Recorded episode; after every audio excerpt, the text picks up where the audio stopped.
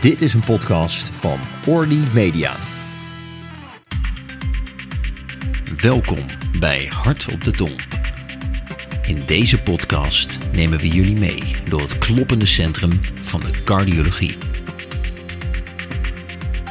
Goedemiddag, welkom bij de tweede aflevering van de Hart op de Tong podcast. Mijn naam is Ruben Thijssen, ik ben AJOS Cardiologie in het Antonius ziekenhuis. En naast mij zit... Tessa Kerkman en ik ben AJOS Cardiologie in het ziekenhuis van Amsterdam, het OVG ziekenhuis. Vandaag hebben wij het genoegen met uh, René van den Brink, waar we een uh, heel leuk onderwerp gaan aansnijden, namelijk de harttonen, oftewel de auscultatie van het hart, want dat is eigenlijk al iets wat we veel meer zouden moeten doen en waar we ook veel meer informatie uit kunnen halen. Dus uh, hartstikke leuk dat we hier mogen zijn. René, dankjewel voor... Nou, welkom hè. Ja, ja helemaal leuk. We zitten hier vandaag op de Prinsengracht.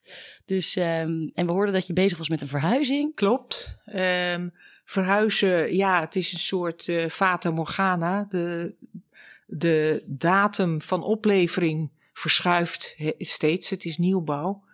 En het is dus een beetje moeilijk plannen allemaal met de leveranciers. Maar het lijkt nou toch in november te gaan plaatsvinden. En wanneer zou het eigenlijk plaats gaan vinden? Nou, vorig jaar bij wijze oh, van spreken. Oké.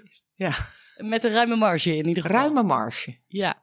Heel leuk. We gaan het vandaag hebben over de harttonen.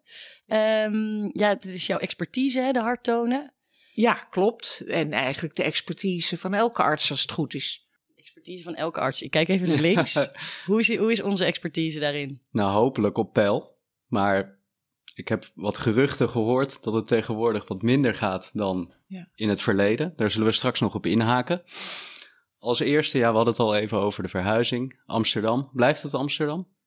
Ja, kijk, Amsterdam zit in mijn hart. Hè. Dat is de stad van mijn hart. Daar heb ik het langste deel van mijn leven uh, gewoond. Ik ben geboren in Laren, in het Gooi. Uit een erfgooiersfamilie, zoals dat heet. Uh, mijn uh, voorouders liepen als schaapherders op de hei. En um, daarna, ik ben in Amsterdam gaan studeren. Mijn moeder komt ook uit Amsterdam. En uh, die heeft ook geneeskunde in Amsterdam gestudeerd. Dus ja, Leuk. Amsterdam is echt de stad van mijn hart. En uh, ook de stad van de voorouders uh, van mijn moeders kant. Die woonden in de Jordaan, waren daar arbeiders. En uh, generaties lang. Dus ja, ik voel me heel erg verwant met Amsterdam. En hoe vind je het dan om straks Amsterdam te gaan verlaten? Ja, moeilijk. Ik twijfel wel een beetje. Maar ja, weet je, uh, ik ben nu op een nieuwe uh, fase, in een nieuwe fase gekomen, hè, na het pensioen. Dat ik dacht, ja, wil ik, wat wil ik eigenlijk nog? En toen dacht ik bij mezelf, in ieder geval wil ik nog eens een eigen huis. Want ik zit hier wel mooi op de Prinsengracht, maar dit is niet van mijzelf. Dus ik uh, ga nu voor mijn eerste huis. En dat is aan zee. Wauw. Ja. Dat is wel een mooi huisje om mee te starten. Ja, dat is een tophuis. Ja, zeker. Ik zou wel willen starten met een huis aan zee. Ja. En inmiddels uh, ben je nu al drie jaar uh, met pensioen. Klopt, ja. Wat was voor jou de grootste overgang? Uh, de grootste overgang? Nou, met name dat ik niet, niet meer zo door mijn agenda geleefd werd. Ik voelde me meteen veel vrijer. Ik hoefde niet meer elk moment van mijn tijd ja, mijn geweten is vrij streng. En ik had de neiging om heel veel tijd in, in mijn werk te steken. En dat is uh, ja, dan meteen weg. En nou kom ik eindelijk toe aan alle hobby's die ik mijn hele leven uh, gewoon uh, opzij gezet heb. Lezen, cultuur, film, familie, vrienden. nou, dat soort dingen allemaal. Daar ja, daar ga ik nu helemaal in los. Ik ben ook aan het studeren weer. Uh, dat wil zeggen, ja, op laag plan natuurlijk, maar um, filosofie, uh, cultuurgeschiedenis. Uh, geschiedenis ben ik erg in geïnteresseerd. Eigenlijk, na mijn pensioen, ja, ik voel me heerlijk. Daarvoor ook hoor. Maar ja, ik ga nu met hart en ziel voor de rest. En je ziet mij ook niet meer terug in principe uh, in het ziekenhuis waar ik altijd opleider ben geweest. Tenzij men wil dat ik onderwijs geef, dat kan ik natuurlijk altijd. Auscultatie. Auscultatie. Ja, nee, maar absoluut. mis je het helemaal niet meer dat je het nu helemaal ook los hebt van. Ik heb het. ga er gewoon ja, dat had niemand gedacht, want ja, ik was altijd zo'n beetje met mijn werk getrouwd en iedereen dacht, nou ja, dat gaat helemaal niet lukken en dat. Ja, ik kan die knop omzetten. Ik, uh, ja, het zijn nu nieuwe, een nieuwe fase in mijn leven. En ik heb veel meer interesses dan alleen ja. de geneeskunde. Natuurlijk mis je het. Je mis je patiënten en zo. Hè? En, en je collega's ook. Maar ik heb daar niet zo'n last van, eerlijk gezegd. Goed om te horen. Eigenlijk alleen maar heel positief, toch? Ja. Zeker, ja. Ja. Um, ja, we hadden het er al een beetje over dat ja, Amsterdam en het pensioen zit u. Ja. Um, ja, wat betekent het, uh, de Andreas-penning voor u, die u aan het einde van uw loopbaan heeft gekregen? Nou, dat vond ik een geweldige, eervolle onderscheiding. Daar ben ik ook heel erg blij mee. Ja. Te meer, daar ik al gezegd heb, ja, Amsterdam is mijn stad. Ja, misschien is het goed voor de luisteraars als we even kort uitleggen wat de Andreas-penning inhoudt, als het kort kan. Ja, nou ja, die Andreas penning, dat is een penning die aan een aantal mensen wordt toegekend door uh, de burgemeester, burgemeester en, en de gemeenteraad, als ik het goed heb. Uh, onder andere voor mensen die, uh, ja, nou, in het algemeen mensen die echt iets betekend hebben voor Amsterdam. En in mijn geval was dat dan dus het opleiden. Ik ben opleider geweest in het AMC gedurende 13 jaar. En heb in die tijd zo'n nou, ruim 60, 65 cardiologen opgeleid, waarvan de helft ongeveer in Amsterdam uh, werkzaam of, en omstreken werkzaam is. En de, de rest is uitgewaaid over Nederland en soms zelfs naar het buitenland. Dus ja. En, en dat maakt dus, uh, dat maakte dat ik uh, in aanmerking kwam voor die Andreas-penning. En ik ben, uh, ja, ben daar heel erg blij mee. En ik denk als, als uh, mijn moeder nog geleefd had, uh, dan zou ze dat wel heel erg leuk gevonden hebben. Ja. En, ja. en zij is geboren in Amsterdam. Dus ik ben niet geboren in Amsterdam. Nee, precies. Maar wel de penning. Ja, nou, een enorme eer en erkenning natuurlijk. Ja.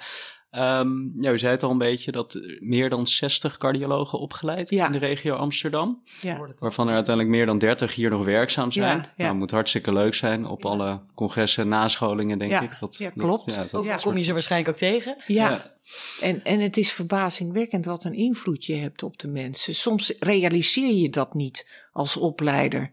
He, dat, dat dingen dat je denkt, god, heb ik dat zo gezegd? En oh, dat was helemaal niet de bedoeling of zo. Maar dat maakt dan toch wel impact. Dat heeft echt impact. En ja. dat, dat, uh, ja, dat vind ik toch wel heel bijzonder. Dat je zo ook positief iets kan betekenen in mensen hun leven. Ja. Inhakend daarop um, hebben wij meegekregen dat u van elke opleidingsassistent altijd een tegeltje heeft uh, ja, gekregen. Ik heb enorm veel tegels, ja. ja. Ik kan mijn hele wc ermee uh, behangen. Oké, okay. zijn er een aantal spreuken die u bijgebleven zijn van die uh, drie van die tegeltjes? Um, nou, één uh, spreuk um, die ik altijd. ja, want dat waren dingen die ik altijd tegen hun zei. Hè? Van. Zij gaven u, zeg maar, u kreeg een tegeltje met een spreuk die u tegen hun zei. Ja. ja, ja. Ik stond daarom bekend. Ja, oh, om dat soort dingen. Daar kreeg ik dat, zetten zij dan op een tegeltje. Mm. Hè? Um, soms genezen, altijd troosten. Dat vind ik de belangrijkste. Oh ja, die. He, want het is, ja, wij worden als dokters opgeleid om mensen te genezen. Mm-hmm. Maar ja, uiteindelijk is niet iedereen te genezen. Het is ontzettend belangrijk dat de mensen dan niet, uh, of dat de artsen dan uh, niet weglopen, bij wijze van spreken. Maar palliatieve geneeskunde is misschien nog wel veel belangrijker dan de zogenaamde curatieve geneeskunde. Of in ieder geval minstens even belangrijk. Maar iedereen krijgt aan het eind van zijn leven te maken met palliatieve geneeskunde. En dat is, en, en in een tijd van ernstige ziekte en, en, en nood, is het ontzettend belangrijk dat je vertrouwen hebt in een arts die kundig is en aan je zijde staat. En jou ook zegt van, uh, ik blijf bij je. Ik laat je niet in de steek. En het is ook van belang. En dan hebben we het weer over die anamnese en lichamelijk onderzoek. Kijk, als jij steeds achter je computer zit en niet naast het bed van een patiënt en niet uh, uh, hem kunt bevragen, een gesprek met hem kan hebben en hem kan onderzoeken, hè, dan is die arts-patiëntrelatie gewoon zoek.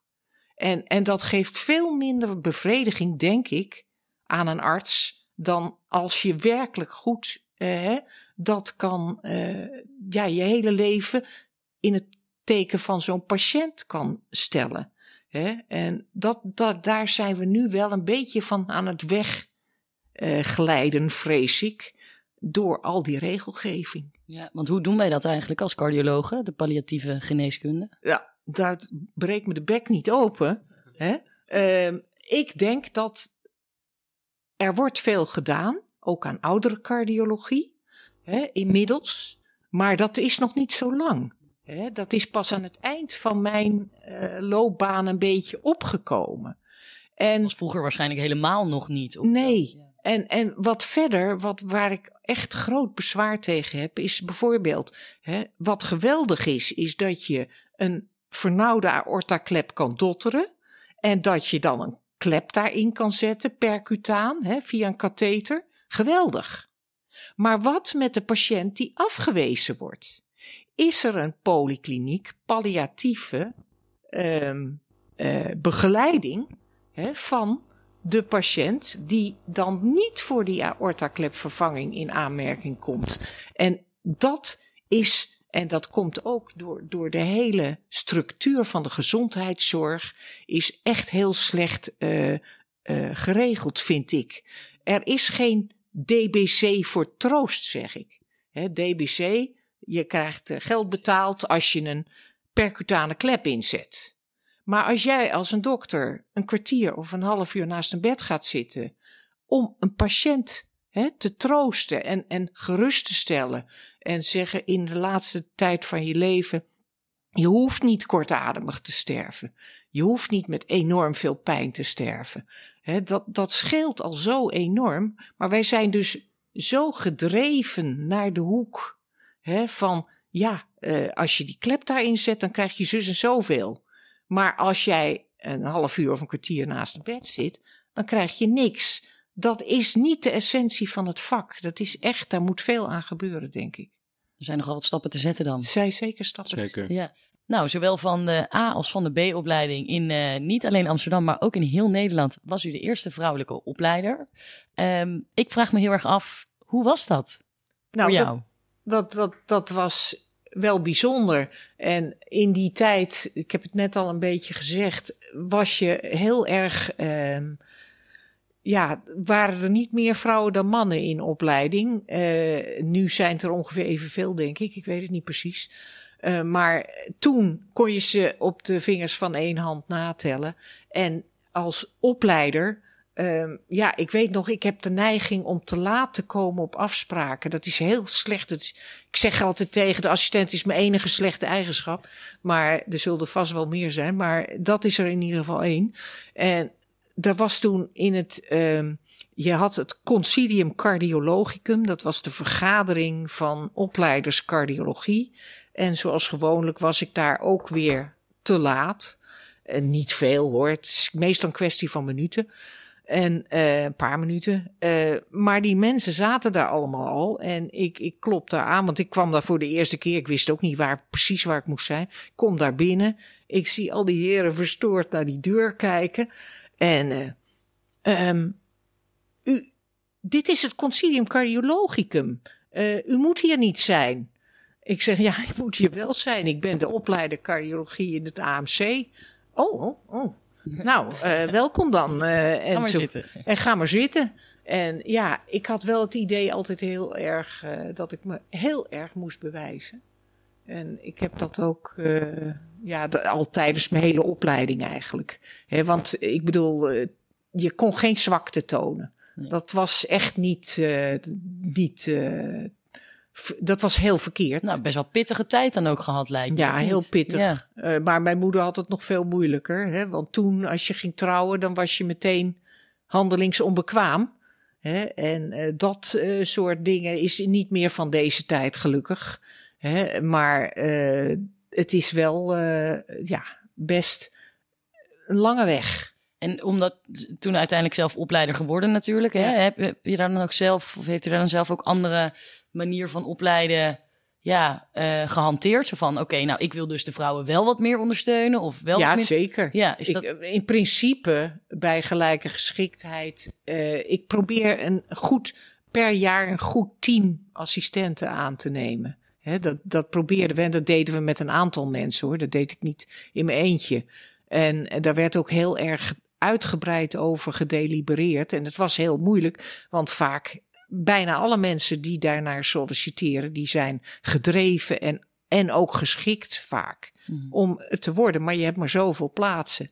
Dus dat, dat was best uh, moeilijk. Maar bij gelijke geschiktheid um, en ik streefde altijd naar evenveel mannen als vrouwen te nemen in opleiding. Van 50-50. Ja, ja. Dus uh, dat, uh, dat is uh, wel veranderd inmiddels, ja. Waar is bij u die liefde begonnen voor de harttonen? nou, die liefde is eigenlijk begonnen in het Wilhelmina Gasthuis. Daar ben ik opgeleid, althans het begin van mijn opleiding. Ik ben aangenomen door professor Durrer. Er waren toen nauwelijks vrouwen in de cardiologie. die waren op de vingers van één hand te tellen ongeveer. En ehm, ik ben toen in opleiding gekomen. En uh, daar hadden wij een stage klinische cardiologie. Die werd geleid door dokter Durrer. Duren, sorry. de opleider of niet? Was uh, nee, dat was niet de opleider. Dat was professor Durrer.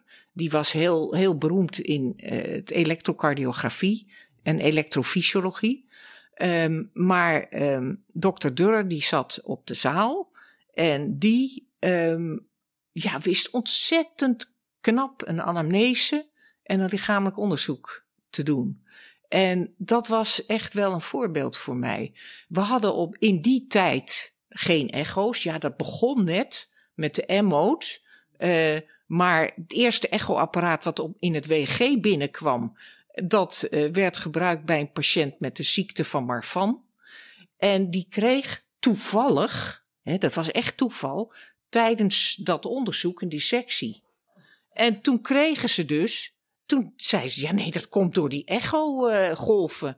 Uh, en toen was dat echoapparaat weer een tijdje, uh, nou ja, de hoek ingeschoven. Gevaarlijk ding. Gevaarlijk ding. Is later wel weer uitgepakt en alsnog ingevoerd. Maar we waren dus niet echt de eerste, maar we, zaten wel in de voorste gelederen hoor, met die echo. Maar die, die wat je had op die afdeling was dat je dus met die dokter Duren ging je dan in een stille kamer. Dat was een soort gecapitoneerde cel. Die ook werd gebruikt voor gehooronderzoek. Die was helemaal geluidsdicht. En het was ja, een beetje eng, want die had een soort deur. Die kon dan van. Uh, uh, dat ging niet met een gewone deurklink, maar die, die schoot in een slot. Ik denk, god, als dat ding niet meer open gaat, dan zitten we hier ja. vast. en uh, dat, dat lijkt me niet zo goed. Maar daar ausculteerde je dus de patiënt. En um, verder maakten wij fonocardiogrammen. Ooit van gehoord? Dat is een geluidsregistratie. Wat je dan deed, is je zette een, een soort microfoon op de borst. En die deed een grafische weergave van het geluid, kreeg je dan. Dat werd dan uitgeschreven op een soort ECG-papier. Dus je, zo 20 meter ECG-papier was in een heel klein hokje. En uh, dat, um, en je had een, pulseermachine, of althans die zette je op de carotes. Dan kon je de pulsaties mee registreren. En dat verdiepte je inzicht in de pathofysiologie van kleplijden enorm. Dus wij waren toen, werden heel goed opgeleid in uh, fysische toen. En daar is je liefde voor de harttonen begonnen. Absoluut. Ja. Nou, dat sluit uh, natuurlijk heel goed aan bij vandaag. We, we, willen, we zijn heel erg benieuwd um, welke stethoscoop wij nou als cardiologen dan het beste kunnen hebben om zo optimaal mogelijk te luisteren. Uh, want daar moeten we natuurlijk bij beginnen. Hè? Ja, dat klopt. Welke stethoscoop heb je nou eigenlijk nodig? Nou, kijk, zo'n stethoscoop, dat is je bedrijfskapitaal. Daar moet je dus niet op bezuinigen. Nee. He, dat is punt één. Dat betekent ook niet dat die loei duur moet zijn, maar ehm, kijk, want het gaat natuurlijk niet over het algemeen om de stethoscoop, maar meer wat er tussen de oorstukken zit, namelijk je hersenen. Dus je, je hoort, vaak hoor je de dingen wel, maar je registreert ze niet in je hoofd. Dat, dat is vaak een probleem. Maar die stethoscoop, je moet zorgen dat de slang kort is. Oh. Je bent natuurlijk geneigd om een lange slang, want anders moet je zo op zo'n patiënt hangen. En dat is zowel voor de patiënt als voor de dokter vervelend. Hè, maar hoe langer de slang, hoe meer geluid er verloren gaat. Ja? Dan heb je stethoscopen met een klok en een membraan.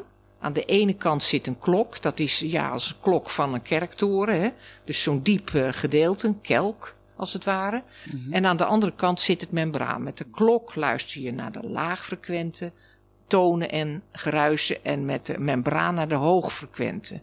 En wat je dus doet, die klok die moet diep genoeg zijn, want dan wordt het geluid beter doorgegeven, het laagfrequente geluid. En het moet een rubberen rand hebben, niet plastic. Mm. He, want dan is de isolatie met de huid is beter. En um, je hebt tegenwoordig ook andere stethoscopen die niet meer. Uh, want wat ik op een gegeven moment had, was dat de klok en de membraan, dan moet je, die moet je voordraaien. Maar dat loopt dan vast op een gegeven moment, dat mechaniekje. He, dan moest ik een nieuwe stethoscoop kopen. En toen hadden ze er alleen maar één. En die, was, die had alleen maar één kop. Dus niet een klok en een membraan. Maar ja, eigenlijk het leek wel alsof hij alleen een membraan had. Maar als je die gewoon op de huid zette, dan was het een klok. En als je die aandrukte, werd het een membraan. Ik zou zeggen, als je begint, zou ik een aparte klok en membraan nemen. Echt? Twee losse stethoscopen? Nou nee, één stethoscoop ja, maar, met twee, oh, ja, precies, ja. uh, met twee uh, hè, zowel een twee klok kanten, als een membraan. Ja. Die je dus draait gewoon, Ja. omdraait. Die van Litman eigenlijk, die iedereen heeft. Liedman 3M Ja. heb ik altijd gehad. Je hebt ook digitale stethoscopen. Ehm, daar was ik niet zo'n voorstander van. Ik was niet, niet gewend en het eh, versterkt alle achtergrondgeluiden ook even sterk als de tonen en de geruisen. Dus in feite schiet je er niet heel veel mee op. Het enige wat wel leuk is, is dat je geruisen kan opnemen, eventueel. En later kan afspelen en ook kan bewaren in een Ja, computer. en voor onderwijs misschien. En voor onderwijs, teaching. Ja. Alhoewel dat nog wel eens tegenviel hoor, de kwaliteit toen. Misschien is het nu beter, Ja. weet ik niet. zie je toch weinig terugkomen hoor, met onderwijsmomenten en collega's die hiermee rondlopen. Ik ken Nee, niet heel veel maar het is mensen best die wel ermee leuk lopen. als je het Nee. een soort van als hard geluid kan afspelen, dat je even met elkaar kan nadenken van, goh, nou wat horen we hier nou? Absoluut, belangrijk. Ja. Ja, dan gaan we toch ook naar deels een beetje kort onderwijs toe, denk ik. Ehm, als eerste, ja, wat betreft de harttonen. Nou, de anatomie. Kleine korte recap wilden we even gaan doen. Ehm, ja, te beginnen met de AV-kleppen. ja. Nou, ehm, ik, ik, ik wou nog eigenlijk het, eh, beginnen met het hart zelf. Ja, het- Helemaal mee eens. Eh, ja. Want de kleppen zitten in het hart natuurlijk. Ja, precies. Maar ehm, kijk, het hart wordt altijd afgebeeld met de punt naar beneden. Mhm. Dat is onjuist. Hè? Het hart ligt op het diafragma en wijst met zijn punt naar links. De rechterkamer en de rechterboezem die liggen voor. En de linkerkamer en linkerboezem liggen daar schuin achter. De boezems liggen achter de kamers, niet erboven. Hè, zoals het altijd afgebeeld wordt. Als je dat realiseert, dan kan je beter begrijpen ehm, ja, hoe, hoe dus waar die kleppen zich bevinden en waar je dus je stethoscoop moet zetten om bepaalde geruisen te horen. Hè? En je kan ook, als je later je bekwaamt in de echo eventueel, begrijpen wat je ziet. Mijn probleem is geweest dat ik in de tijd dat ik pathologische anatomie kreeg en dus op de snijzaal was, nog niet wist dat ik cardioloog wou worden. En alles was voor mij even belangrijk ongeveer, of onbelangrijk. Ik, eh, ik was al blij als ik daar weg was, want ik vond het nooit zo fijn daar. Maar ehm, daar, als je dat hart in situ ziet liggen, dan gaan die dingen leven. En dan zie je ook dat de mitraal en tricuspidaalklep rechtop staan. Hè, ze liggen niet, want de boezems liggen niet boven de kamers, maar ze staan daarachter. Dus mitraal, tricuspidaal, rechtop. Hm. En de aorta en pulmonalis klep, dat wordt de semilunair kleppen genoemd. Hè, die liggen zogenaamd in de hartbasis. Nou, dat is, vind ik nogal uh, ja, verwarrend. Want ja, de hartbasis, dat is dus eigenlijk het gedeelte van het hart waar de longslagader en de aorta het hart verlaten. Dat, dat is de hartbasis. En de apex is de apex. Nou, geluiden van de mitraal en de tricuspidaalklep hoor je dus beter in de richting van de apex. En de linkersternumrand laag. En de geluiden van de semilunair kleppen, dus de aorta en pulmonaalkleppen, die hoor je het beste op 2R, aortaklep, en 2L, pulmonalis klep. Verder is het belangrijk om je te realiseren dat de druk in de rechter hartshelft vijf keer lager is dan in de linker.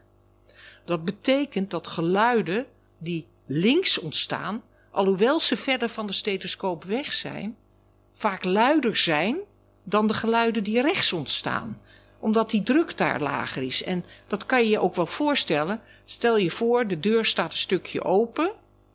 Als je hem met een grote kracht dichtduwt, dan hoor je een heel luid dichtslaan van de deur. En als je met een klein krachtje dichtduwt, dan hoor je haast niks. En dat is dus eigenlijk het principe van de harttonen. Want die harttonen, die worden dus niet veroorzaakt doordat de kleprandjes tegen elkaar aantikken. Want dat zijn vliesjes nou veel minder dan een millimeter dik. Hè? En dan nog een heel eind van je stethoscoop af. Dat hoor je natuurlijk niet. Wat je hoort is het opbollen van de kleptasjes. De pulmonaal en aortaklep hebben drie kleptasjes. En de mitraalklep heeft twee, als het ware. En de tricuspidaalklep ook drie. Hè, drie kuspidaal. En dat opbollen van die kleptasjes, dat geeft het geluid van de toon. En je kan het vergelijken met het um, spinnakerzeil. Het voorzeil, als je in een zeilboot zit, als daar ineens de wind in komt, dan hoor je een klap. Nou, dat is de toon. Dat kleptasje dat door bijvoorbeeld de aortaklep, als die dicht gaat, het bloed wil terugstromen naar het hart, want de druk in de linkerkamer is lager dan in de aorta. En dat betekent dan dus dat je een geluid hoort. En dat is de aortaklepsluiting. En die is, ja, eigenlijk de tweede toon is vooral aortaklepsluiting. En de eerste toon is vooral mitraalklepsluiting. Ja, want we hebben natuurlijk soefels, maar ook harttonen. Uh, kan je dat verschil tussen uitleggen? Uh, nou ja, hart, harttonen, dat klinkt. Ja, je ziet het altijd op de medische series en ook vaak op niet-medische series. Weet je, het grappige is, als jij. Um, je kan ausculteren als je weet hoe het hart in de thorax ligt, hoe de pomp werkt en dus de kleppen, en gevoel voor ritme en muziek hebt. Ritme en muziek is belangrijk. Ritme, de cadans van het hart, lub dub, lub dub, lub dub, 1, 2, 1, 2, 1, 2. De systole, uitdrijvingsfase van het hart, is korter dan de diastole. Als dat niet zo was, zouden wij niet kunnen ausculteren, want dan kunnen we de eerste toon niet van de tweede toon onderscheiden en de systole niet van de diastole. En dat gebeurt ook als je hartfrequentie meer dan 110, 120 is, dan gaat dat ten koste van de duur van de diastole. De systole blijft hetzelfde, maar die worden dan even lang. En dan kan jij dus niet meer onderscheiden wat systole of wat diastole is. Wat men dan wel eens doet is carotismassage. Moet je voorzichtig mee zijn. Kan ook misgaan. Ja. Um, ja, en hoe belangrijk is de houding van de patiënt bij uh, De houding is heel belangrijk.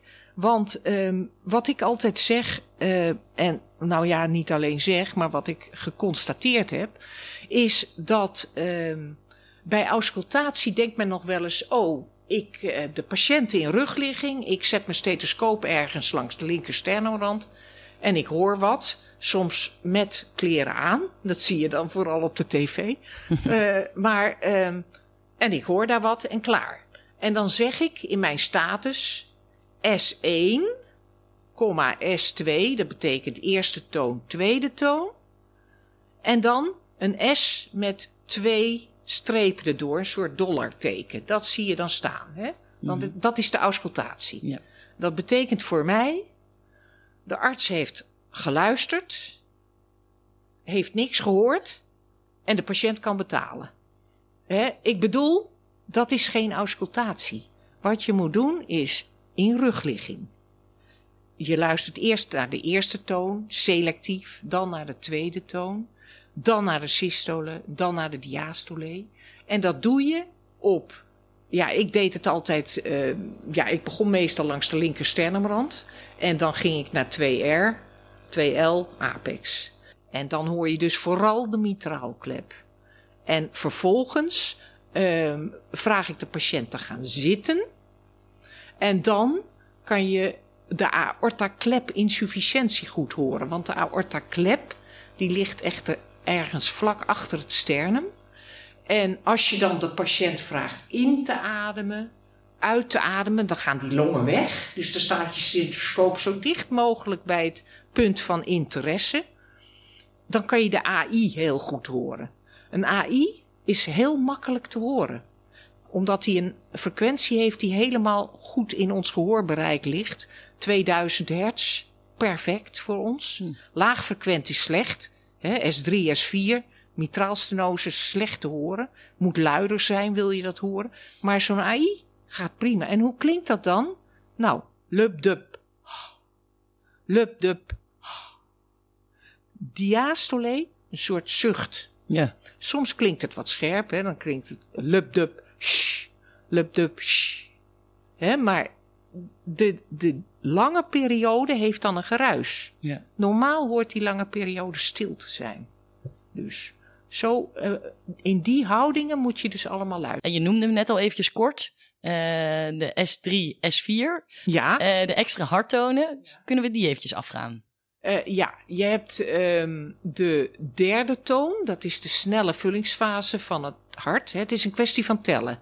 S1 sluiting mitraal tricuspidaalklep, S2 sluiting aorta en pulmonaalklep, S3 die komt dus na de S2 en dat is de snelle vullingsfase van het hart. Dan zit de aortaklep dicht en de pulmonaalklep. Het hart heeft zich ontspannen.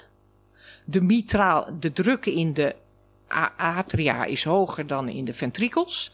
Dus die atrioventriculair kleppen gaan open. Dus de mitraal en gaan open.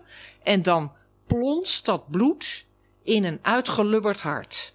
Wat decompenseert. Hè? Dus een wijde linkerkamer die met een dunne wand die slap is. En dat geeft een toon. eh, van dat plotseling opspannen van dat hart. En ehm, dat klinkt als lup durp, lup durp, lup durp. Dus niet lup dup, lup dup, lup dup, maar lup durp, lup durp, lup durp. Men zegt ook wel eens eh, Kentucky, Kentucky, Kentucky. Dat is een goede om te onthouden. Kentucky, Kentucky. Het is een galop, Ja. galopritme. En je hoort dat bij hartfalen. En het is heel belangrijk, komt vaak voor. Dat kan je uitsluitend horen op de apex in linkerzijligging. Met de klok. Het is laag frequent. En als je die klok dan aandrukt op de huid, dan spant die huid zich daaronder op. Dat wordt een membraan. En dan kan je die derde toon wegdrukken.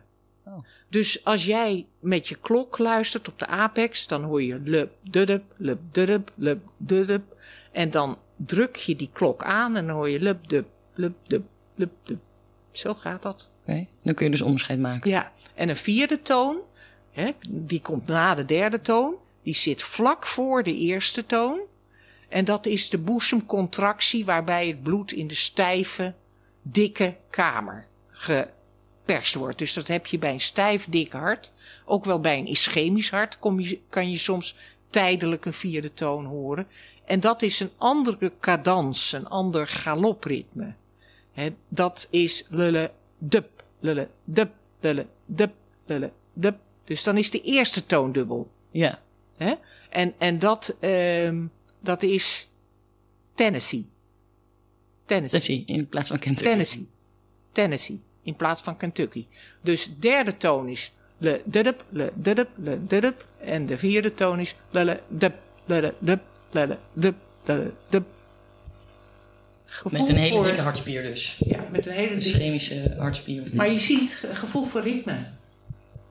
Heel makkelijk. Ja. Het is echt niet moeilijk hoor. Is dat aan te leren, een gevoel ja, voor het ritme? is zeker aan te...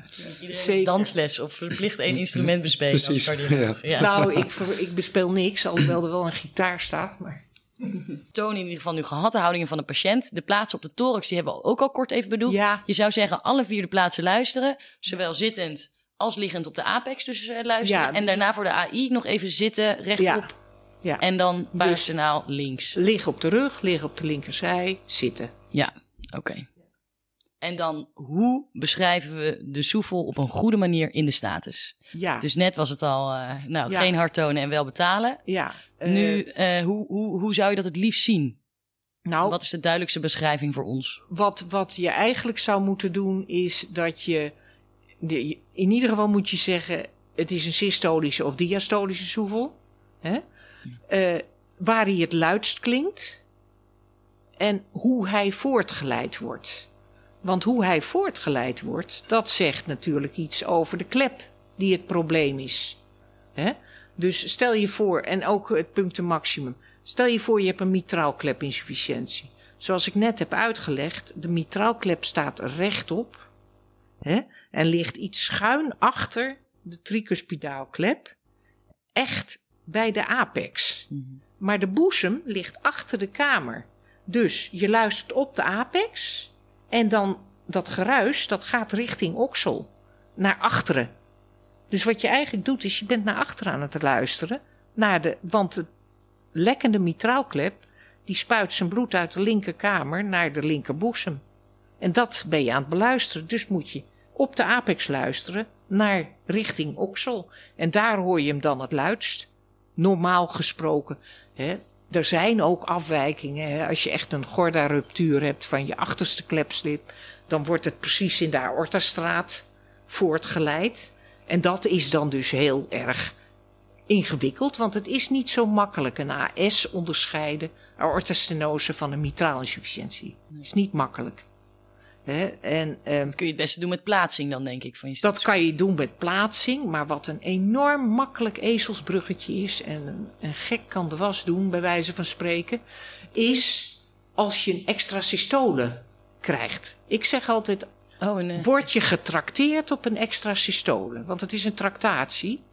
Want het geruis van een aortaklepstenose wordt na een extra systole luider. En dat komt omdat je na een extra systole een pauze hebt. En die pauze kan dat hart zich verder vullen. Dus bij de volgende slag is er een grotere slagvolume door die vernauwde aortaklep. En dat geeft een luider geruis.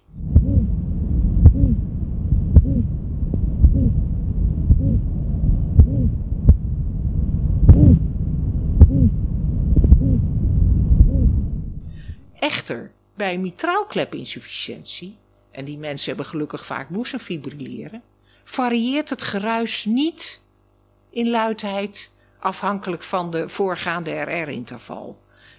En dat, dat, is, dat drukverschil tussen die linkerkamer en linkerboezem is dusdanig dat er afhankelijk van de vullingsstatus van het hart geen duidelijke verandering is in de luidheid van het geruis. Dat is steeds dezelfde luidheid. En dat is de belangrijkste ezelsbruggetje. Zo kan iedereen die twee uit elkaar houden.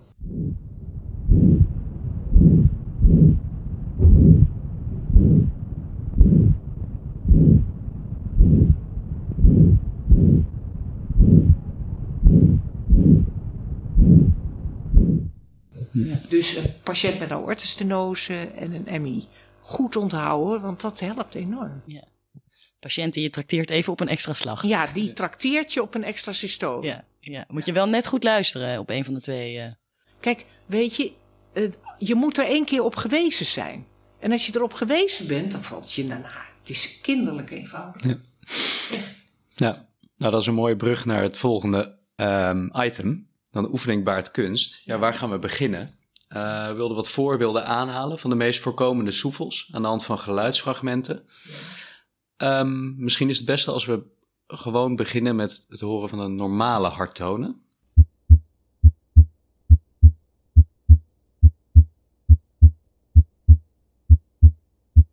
Dan gaan we nu naar de hartbasis.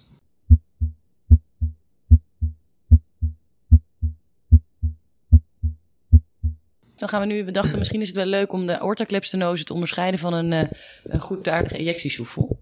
Dan... Want dat is nog wel eens lastig. Ja, dat is ook best lastig. Um, wat, je, wat belangrijk is, is bij een ejectiesoefel, het woord zegt het al, hè, het is een ruitvormig geruis. En um, ejectie, slag, uh, ja, door ejectie van het bloed in de aorta vooral. En dat zit los van de eerste toon en van de tweede toon, dat geruis. Dat is dus heel anders dan een holosystolisch geruis. Want het holosystolisch geruis, dan zit de eerste en de tweede toon in het geruis. Die hoor je niet apart. Ze zijn er wel, maar je hoort ze niet apart. Dus um, een voorbeeld van een uh, korte ejectiesoefel um, is dit bijvoorbeeld.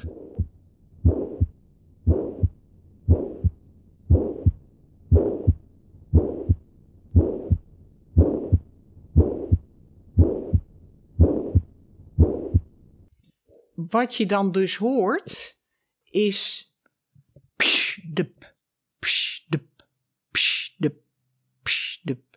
Of um, sh, dup, sh, dup, sh, dup, sh, dup. Hè? Dat, die eerste toon zit vlak bij dat geruis. De eerste toon hoor je eigenlijk niet zo goed meer. Nee, die hoor je. Niet, die zit ja. vaak bijna in het geruis. Je hoort hem vaag in het geruis. Uh, maar dat is de isovolumetrische contractiefase. Die duurt maar heel kort. Hè? En dan gaat dus na sluiting van de mitraalklep, krijg je de isovolumetrische contractiefase. Dan moet de druk in de linkerkamer hoger worden dan in de aorta. En dan krijg je de ejectie van bloed. Dus er zit maar een hele korte tijdspannen tussen de eerste toon en het begin van het geruis. En dus je hoort dat als het ware van die eerste toon zit in het geruis. Maar die tweede toon, die hoor je duidelijk afzonderlijk. Hè? En hoe geringer de aortastenose is, hoe langer de tijdspannen tussen het stoppen van het geruis en de tweede toon. Dus als je een heel kort systolisch geruisje hebt, zo psh, dum, psh, dum, dat is een ejectie, onschuldige ejectiesoefel. Waarbij dan ook typisch is dat je hem vaak kan persen, kan je hem wegdrukken. Of door zitten of staan, want dan wordt het slagvolume kleiner. Hè? En dan is hij weg. Hm. Het is een onschuldig geruis. Het komt door, ja, het heeft te maken met turbulentie. Door een ja, goed gezond slagvolume, zou ik maar zeggen. en dat, ja, dat hoor je dan, die wervelingen, maar dat is niet pathologisch. En dat, dat klinkt, ja, het is graad 1 of 2 uit 6. dus heel, heel zacht. En het zit vooral langs de linker sternenrand en op 2R zo'n beetje. Toch wordt dat nog vaak afgegeven als een soefel, toch? En dan worden er echo's gemaakt, terwijl het klinisch niet relevant is. Je wil natuurlijk omgekeerd ook niet missen als het wel nee, klinisch relevant is. dat begrijp ik. En als, uh, ze zeggen wel eens in dubio abstine, maar hier zeg ik in dubio echo. Hè? Uh, dus als jij twijfelt... Of ook bij jonge mensen? Als jij twijfelt of het een ejectiegeruis is, dan zou ik dat wel doen maar als jij niet twijfelt, kijk, als iemand een, een, een geen klachten heeft, eh, verder niks bijzonders bij lichamelijk onderzoek, een normaal ECG-bewijs van spreken, als jij iemand keurt en je hoort zo'n heel kort ejectiesoeveltje, ja, dan kan je wel zeggen, het is uiterst onwaarschijnlijk dat we hier te maken hebben met een pathologisch klepprobleem. Maar als je twijfelt, zou ik zeker een maken. Oké, dan uh, door naar de aortaclepstenose. Heb je daar, daar gaan we eerst even een voorbeeld van horen. Ja, dan moeten we even.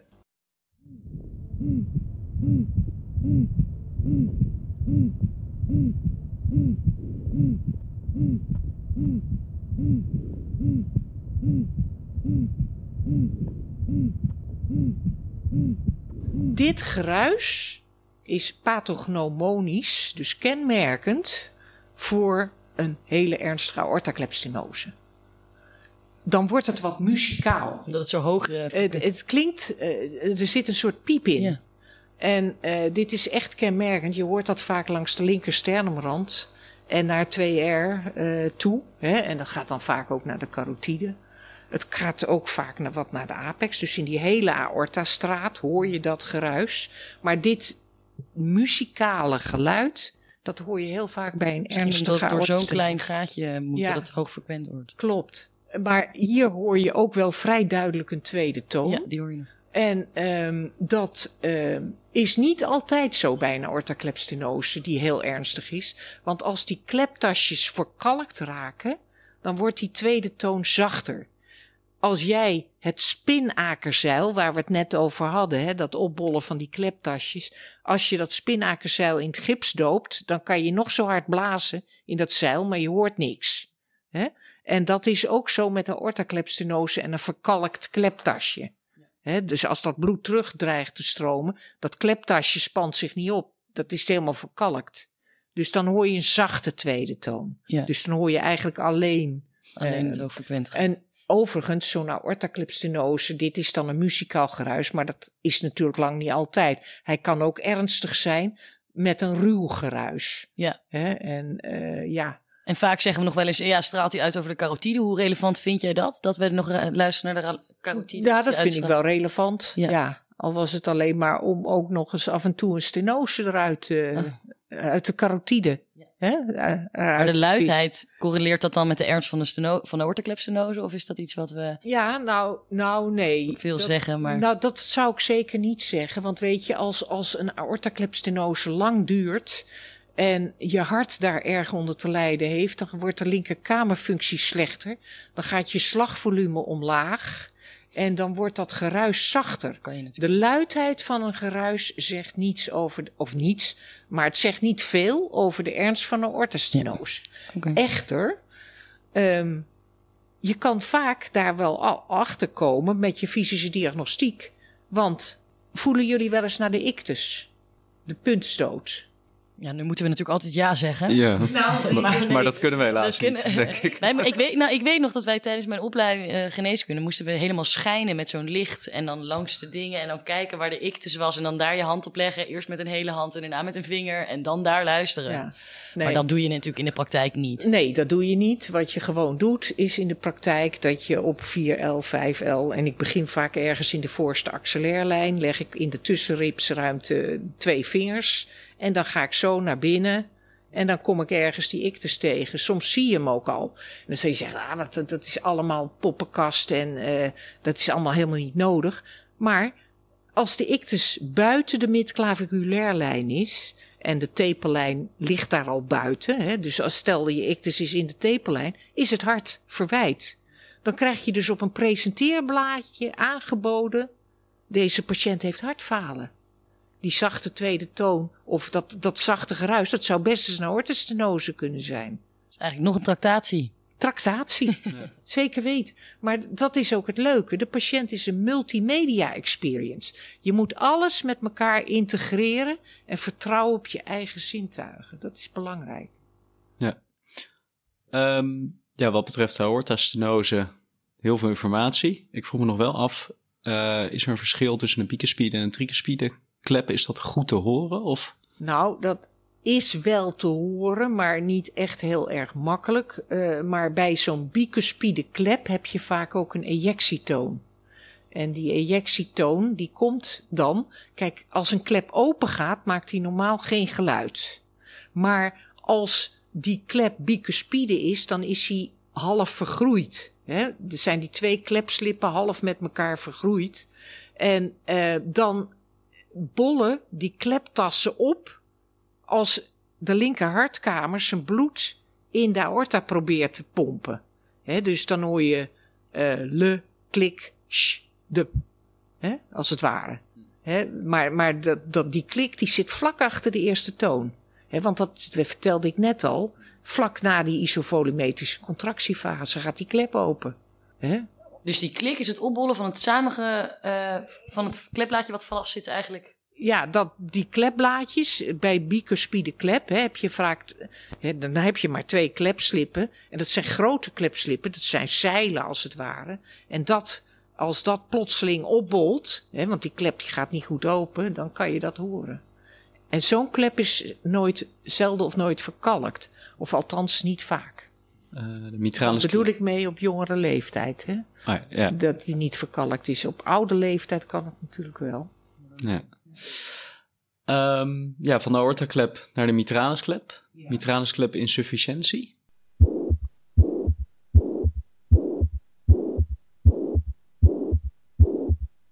Hier dus hoort, is um, geen tonen. De tonen zitten in het geruis. He, want de linker atriumdruk is maar heel laag. En die linker kamerdruk, die is vaak aan het eind van de diastole ja, al, al even hoog als de linker atriumdruk.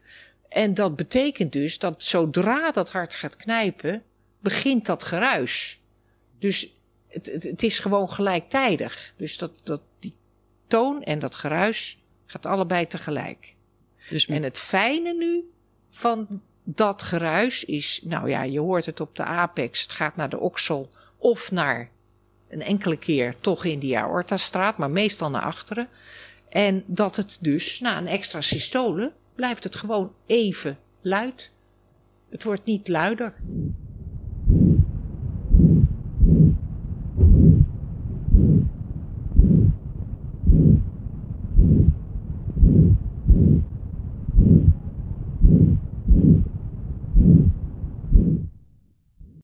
Duivelse dilemma's.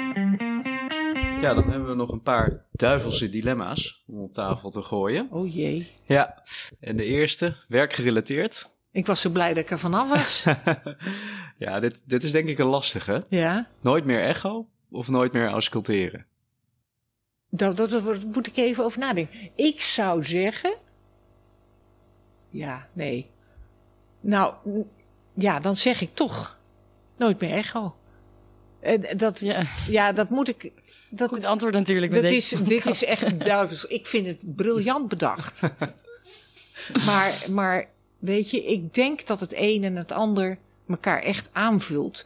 Maar je moet je goed realiseren dat als jij niet ausculteert en alleen een echo aanvraagt, dat je dan vroeg of laat de mist ingaat. Je ziet uh, het continuous weefsignaal, uh, uh, hè, dus dat van een aortostenose, dat onderschat je de gradient, doordat je het gewoon niet goed meet. Dus dan onthoud je een patiënt met een ernstige aortostenose en klachten een operatie, bij wijze van spreken. En, um, en dan kan je ook niet ausculteren, want ja, uh, dat beheers je niet. Je kan niet terugvallen op jezelf dus. En dat, ja, dat is dus echt heel, heel slecht, denk ik. En je kan dus ook een MI en een AS door elkaar halen met continuous wave. Uh, je kan dynamische gradiënten bij de gradiënten optellen. Uh, kortom, je kan aan alle kanten de mist ingaan. Dus als jij zelf goed een echo kan maken en interpreteren en ook de valkuilen van de echo weet, want niet iedereen heeft goede echovensters. Hè? Als je dat allemaal kan, dan is denk ik echo betrouwbaar. Maar als je dat niet kan, en dat geldt voor een heleboel dokters, dan moet je echt, echt investeren in fysische diagnostiek. Ja, ja ik denk dat bijvoorbeeld ausculteren ook, dat grijpt toch echt naar de basis van ons vak. En dat is Klopt. bij de patiënt zijn en met de patiënt praten van hoe gaat het. En als je met een echo een aortoclepstenose eruit haalt van iemand die nooit klachten heeft en 88 is, ja, wat, wat, wat ga je dan doen? Dat zeg maar. heb je niks aan. Ja. Uh, kijk, de cashier van Albert Heijn kan ook een kruisje zetten bij Echo. Hè? Maar ze kan niet uh, een ragfijne anamnese afnemen en fysische diagnostiek doen. Ja. Hè? En, en dat is het gevaarlijke. Ik voelde me bij de MRI ook al onzeker worden, omdat ik dat, dat onderzoek niet beheerste. Hm. Hè? En dan denk ik, ja, je zegt het nou wel, maar is dat nou wel zo? En, en ja, nou, Hè? Ja, de kern is gewoon, je moet het gewoon goed in de vingers hebben. En als dat Klopt. een van de twee is, dan moet je dat doen. Ja. En niet, ja. ja. Uh, de volgende, uh, dit vind ik zelf wel een leuke. Uh, aortaklep of mitralisklep? Wat is daarmee? Nou, wat is jouw favoriet? Of wat vind je het meest, ja, wat, wat is nou het, het, het meest, ja... Wat, het, nou, wel, welke, welke klep weet je, het, het is, het is, het is ik zou niet kunnen kiezen tussen die twee, want het is allebei echt fascinerend. Ik vraag wel eens aan de assistenten: waarom heeft een aortaklep drie kleptasjes? Een vraagteken. Waarom? Is dat toeval? Waarschijnlijk niet. Nee. Het zo vraag zal wel niet. Ja, precies. Nee, omdat dat de beste manier is om een cirkelvormig gat eh, met een eh, hoge druk, dat als de klep open gaat, dat je het meest effectief oppervlak hebt voor de bloedstroom, met de minste wrijving. En als de klep dicht gaat, dat die zo goed mogelijk de druk kan ondersteunen. Hè, die dan op die aortaklep rust. Daarom is die drieslippig. Bicuspide komt veel voor. Is niet zo handig, want die klep gaat vroeg of laat, wordt die stenotisch, steeds meer stenotisch. En hij kan niet goed volledig open.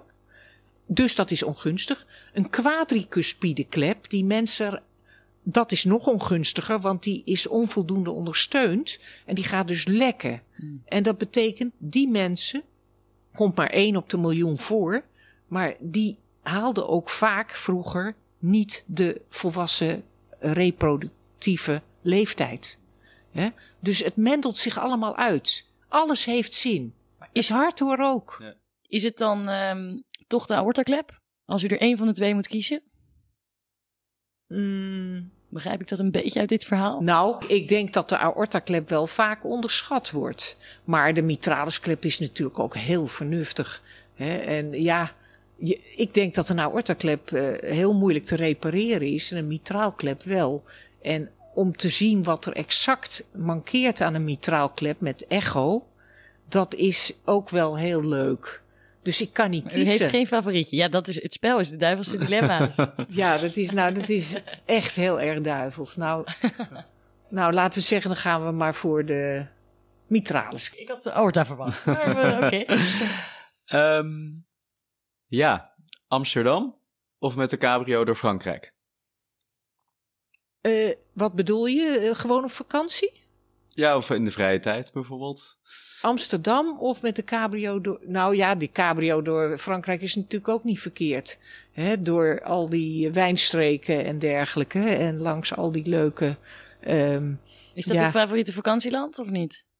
Uh, nou, het is wel het land waar ik het meest kom. Maar Italië spreekt me ook wel heel erg aan hoor. Spanje ben ik niet zo'n fan van. En uh, ja, dus als ik moet kiezen, dan uh, is het moeilijk. Maar neig ik ook tot Italië, maar niet in de zomer. Te druk dan? Ja, te en te heet. Ja, precies. ja. Heet, ja. um, zelf koken of uit eten? Uit eten. Ja, nou, dat was een snelle. um, winkelen of borrelen? Borrelen. Okay. Fietsen of rennen? Uh, fietsen. Ja, sportief? Uh, nou, ik fietste altijd naar mijn werk. Dat is 10 kilometer. Oh ja. Dus hè, totdat ik met pensioen ging. Dus dat is uh, redelijk sportief. Ja. Hè, maar uh, hardrennen heb ik wel gedaan. Maar niet heel fanatiek. Hè. Een rondje bosbaan was wel het uiterste wat ik kon halen ongeveer. Oké. Okay. Uh, nou, dan zijn we eigenlijk alweer uh, aangekomen bij het einde van de podcast. Uh, heel erg leuk om te horen hoe, het, ja, hoe al jouw gedachten hierover ja. zijn. En om ook mee te doen hè, met de harttonen. Wij zijn benieuwd, heb jij nog tips en tricks ja. voor ons?